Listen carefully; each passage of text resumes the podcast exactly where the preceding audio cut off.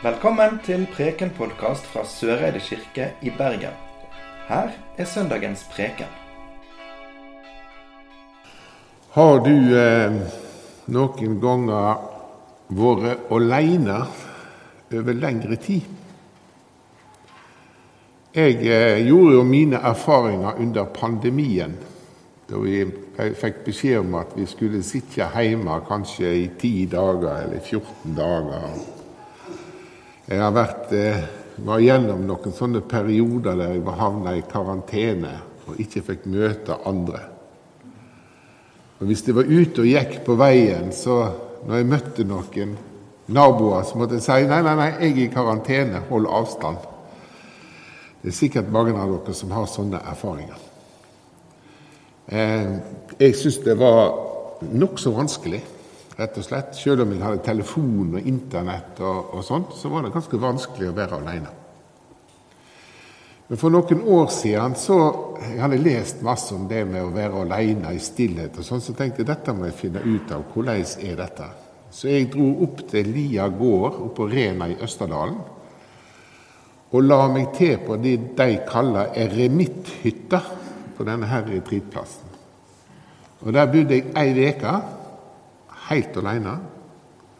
Det var ingen mennesker som skulle snakke til meg. Selv om jeg møtte folk, så var det ingen som skulle si et ord til meg. Og Da hadde jeg ikke telefon, jeg hadde ikke noen ting, jeg hadde ikke kontakt med noen. Og det som da skjedde, var at det starta altså en sånn tankestorm i hodet mitt. Så jeg holdt på å bli helt gal. Det kom hult til bulter, tanker som kom og gikk og kom og gikk og kom og gikk. Og Det var et forferdelig spetakkel dag og natt oppi hodet. Og jeg kjente meg utrolig sårbar og fryktelig, fryktelig aleine.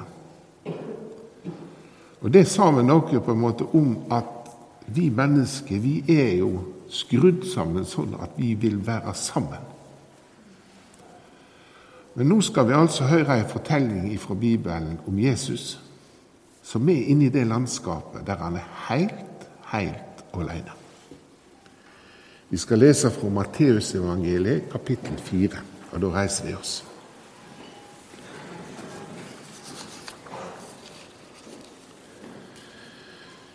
Siden førte anden Jesus ut i øyemarka for at djevelen skulle freiste han. Han fasta i 40 dager og 40 netter, og til slutt tok svolten han. Da kom freisteren og sa til han, Er du Guds sønn? Så sier at disse steinene skal bli til brød. Jesus svarer, det står skrevet, mennesket lever ikke av brød alene, men av hvert ord som går ut fra Guds munn. Da tok djevelen han med seg til den hellige byen, satte han yst på tempelmuren og sa:" Er du Guds sønn, så kast deg utføre, for det står skrevet:" Han skal gi englene sine påbud om deg, og de skal bære deg på hendene så du ikke støyter foten på noen stein. Men Jesus sa til han, det står òg skrevet, du skal ikke sette Herren din Gud på prøve. Så tok djevelen han med seg opp på et svært høgt fjell, og synte han alle, alle rika i verda og deres herligdom, og sa:" Alt dette vil jeg gi deg om du faller ned og tilber meg. Men Jesus sa til han, Vekk med deg, Satan, for det står skrevet:" Herren din Gud skal du tilbe, han og ingen annen skal du tjene. Da gikk djevelen fra han, og sjå, engler kom og tjente ham. Slik lyder det hellige evangeliet.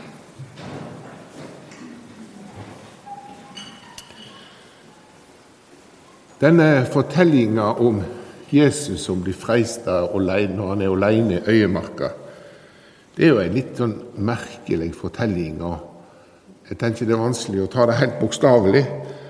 Men Trolig er dette noe som Jesus sjøl har fortalt til sine etterfølgere, om de erfaringene han gjorde seg når han gikk for seg sjøl.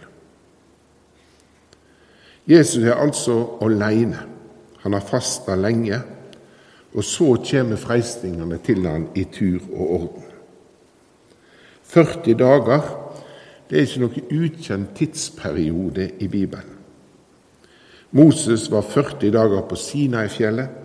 Profeten Elia var 40 dager på fjellet Horeb.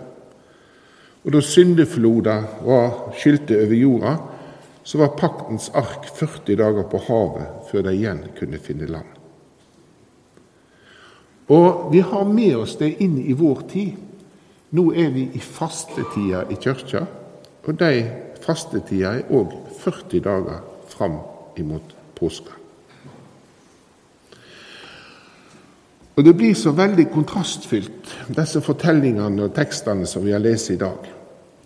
Ifra Edens hage, der de vandrer rundt med masse frukter og blomster, og alt er vakkert og harmonisk, til Jesus sitter alene i ei øyemark. Og så begynner liksom den første freistinga med et spørsmål. Og slik er det jo ofte. En prøver å, hvis jeg skal bruke et moderne ord, relativisere. Er du Guds sønn? Og dette skjer rett etter at Jesus ble døypt av døyperen Johannes. Jesus blir døypt av døyperen Johannes, og når han stiger opp av vannet, så kommer det en stemme fra himmelen som sier dette er, Du er Gud, du er min sønn som jeg elsker og har glede i, sier stemma fra himmelen. Og Da blir på en måte relasjonen mellom Gud og Jesus understreka for alle som var til stede. Og så går Jesus ut i øyemarka, og det første spørsmålet som freisteren prøver å utfordre med, er dette Er du Guds sønn? Og dette spørsmålet Er du Guds sønn? Det var jo òg det som provoserte jødene så kolossalt. Som hadde Jesus bare stått fram som en profet og som en flink magiker og en, en god intellektuell, så hadde det ikke vært noe problem med Jesus.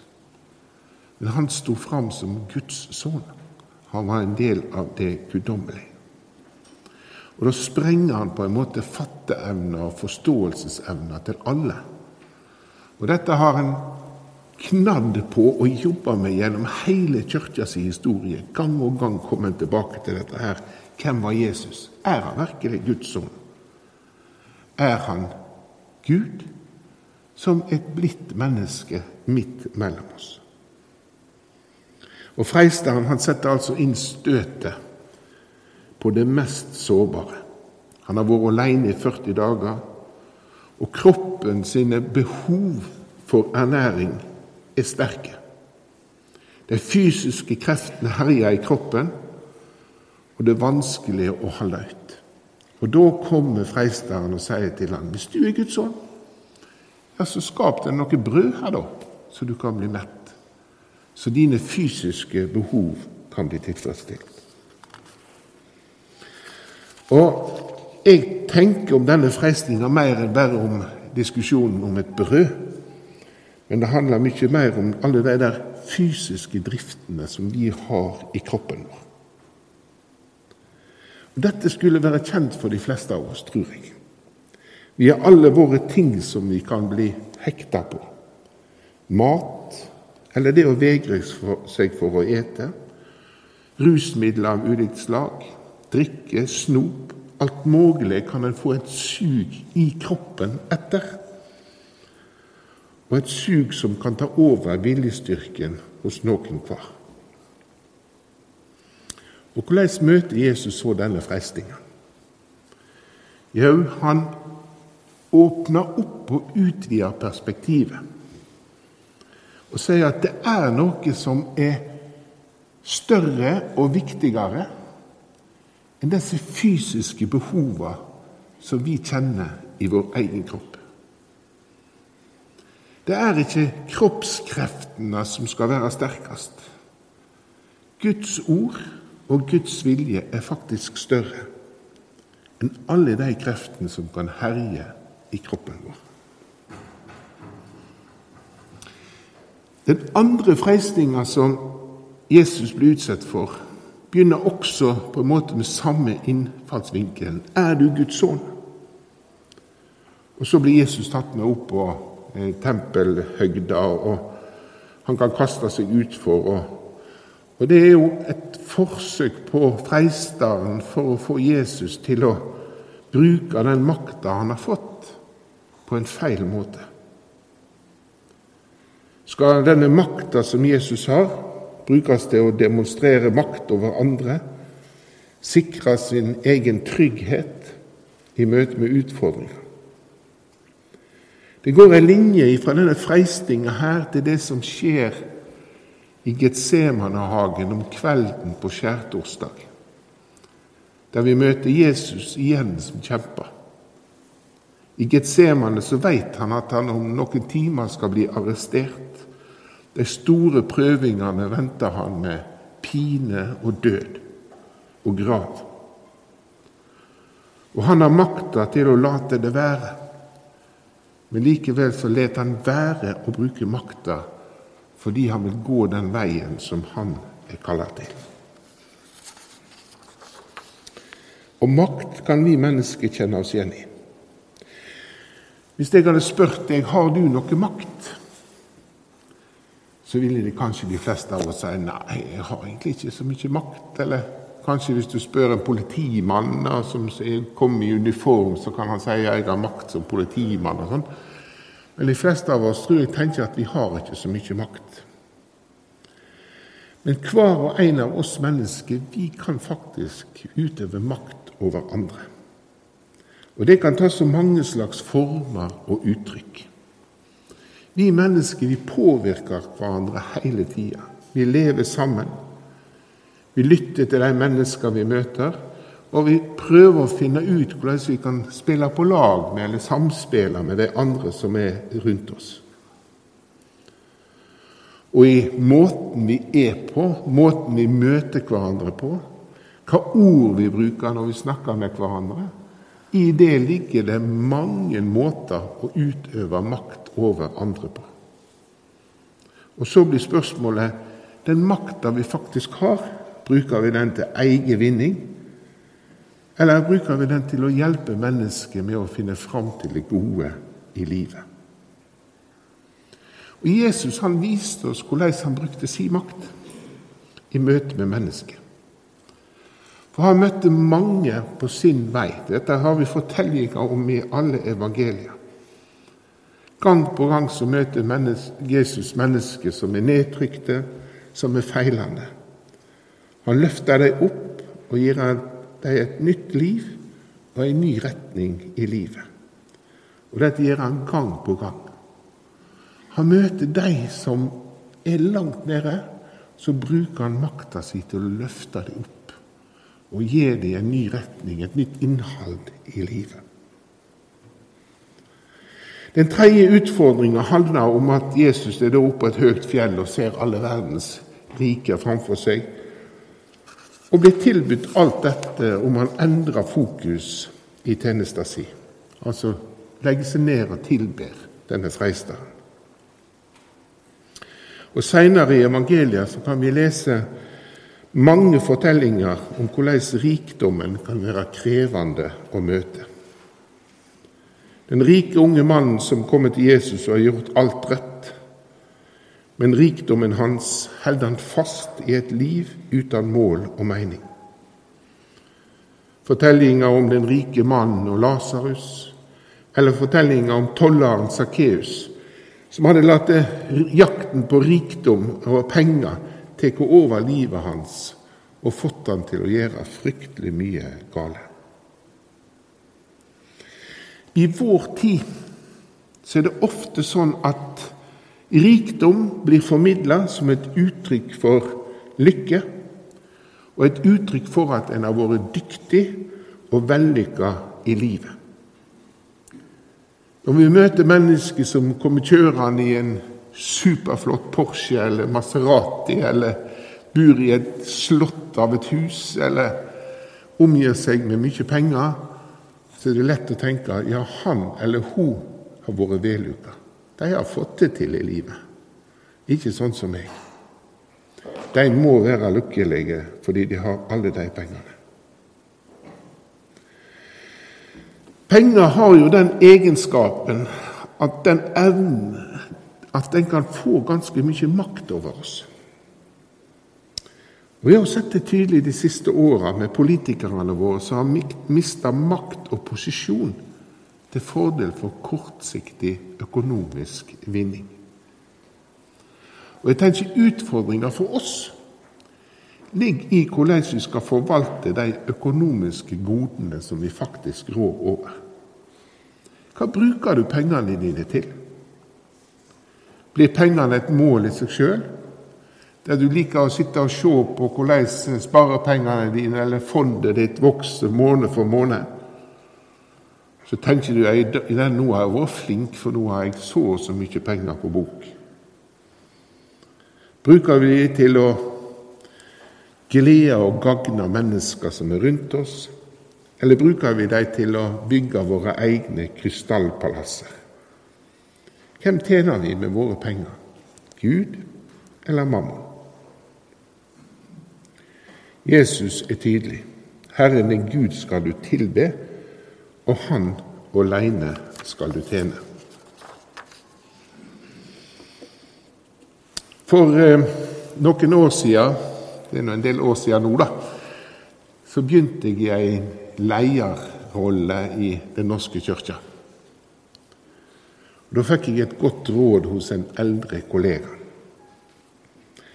Når du nå har fått deg en leiejobb, så er det fire ting du skal holde øye med. For det er én av disse fire som ofte fører til personlig tragedie, og som gjør at de mister tillit og posisjon. Og De fire tingene jeg fikk råd om å følge med på, det var penger, sex, makt og rus. Og når jeg tenker meg om, så stemmer dette rådet veldig godt. Når mennesket mister posisjoner og tillit, så er det en av disse fire det som regel handler om. Og De samme aspektene finner vi igjen i fortellinga om Jesu freisting. Kroppslige behov, mat eller sex eller andre fysiske behov som mennesker har, det er maktmisbruk, eller det er penger som gjør at vi fort kan havne på gale veier. Denne fortellinga om Jesu freisting den kan være en spegel eller en veiviser for oss i våre egne liv. Veiviser til å ta gode valg og reflektere over hva som er målet og hensikten med det vi gjør. Hva er det vi fokuserer på? Så tenker jeg litt sånn som i dag når vi hadde dåp og og vi døpte Brage. Så reiste vi oss alle, og så sa vi fram forsakinga og trua. Jeg forsaker djevelen og alle hans gjerninger og alt hans vesen. Det er ofte en formulering som vi bare hopper sånn galant over, fordi det er liksom på vei inn i truekjenninga. Men den forsakinga den er på en måte en sånn påminning til oss om disse tinga her. Hva er det vi skal holde fokus på? Hva er det vi faktisk skal forsake i livet for at vi skal få det gode livet? Og Så tenker jeg at denne fortellinga om Jesu freisting den viser også hvor sårbare vi er når vi er alene. Og som jeg sa litt innledningsvis, disse erfaringene vi har gjort i pandemien. Og hvor mye sterkere vi er som mennesker når vi er sammen. I et fellesskap. En plass der vi kan hente styrke hos hverandre til å møte de utfordringene som livet kommer til oss med. Og Her tenker jeg fellesskapet her i kirka er utrolig viktig. Et fellesskap som vi kan kjenne på når vi feirer gudstjeneste, når vi sitter på kirkekaffen etterpå, når vi feirer dåp, og når vi feirer nattverd. Vi er ikke alene. Vi er sammen her som en familie. Som en stor, kjempestor familie. En verdensvid familie. For noen år siden så var jeg på en ferietur nede i Kroatia. Og En søndag der fant jeg ut at jeg skulle gå på gudstjeneste i katolsk messe. Jeg forsto ikke et eneste ord av det som var verken sagt eller sunget. Men jeg satt inn i den kirka og kunne kjenne på et fellesskap. For her var jeg og feirte gudstjeneste sammen med andre brødre og søsken. I et annet kirkesamfunn med et annet språk. Men vi feirte den samme type gudstjeneste. Fellesskapet er viktig. Det er fellesskapet som gjør oss sterke. Og så tenker jeg at vi må òg være åpne og ærlige på det at livet det møter oss med mange slags freistinger. Og I Bibelen er jo freisteren veldig konkretisert og personifisert. og Djevelen eller Satan eller sånne ting. Og det er jo ord og omgrep som på en måte er veldig sånn farga av, av at det blir noen merkelige greier som vi har sett tegninger av, eller som vi kjenner til fra historien. Og så tenker vi at nei, det der er på en måte ikke det er ikke, det er ikke viktig lenger, det er ikke relevant lenger. Men vi lever i ei verd der vi kan se tydelig at det er destruktive krefter. Destruktive maktutøving og noe vondt som hele tida ligger og kjemper, og som er der. Og Jeg tenker at det skal vi ta på alvor. Det er ikke så nøye hva navn vi bruker på det. Men at det fins disse destruktive kreftene i tilværet og i livet, det tror jeg at det er viktig at vi tar på alvor, og at vi er klar over at de er der og at når vi er der aleine, da er vi sårbare for slike angrep. Og så er det jo da, i møte med ei sånn fortelling og en sånn preik som jeg holder på med nå, så er det jo lett å tenke at ja, eh, det er mye som kunne vært annerledes, og det er mye jeg har gjort gale, og det er mye jeg kunne gjort bedre i livet, og dette får jeg egentlig ikke til. Og som Paulus sier det, det vonde som jeg ikke vil, det gjør jeg. Og det gode som jeg vil, det gjør jeg ikke. Og Det sa han for 2000 år siden, og det kunne jeg sagt i dag. Jeg går på en smell både her og der, for jeg merker det at jeg klarer ikke å gjøre det som jeg veit er rett.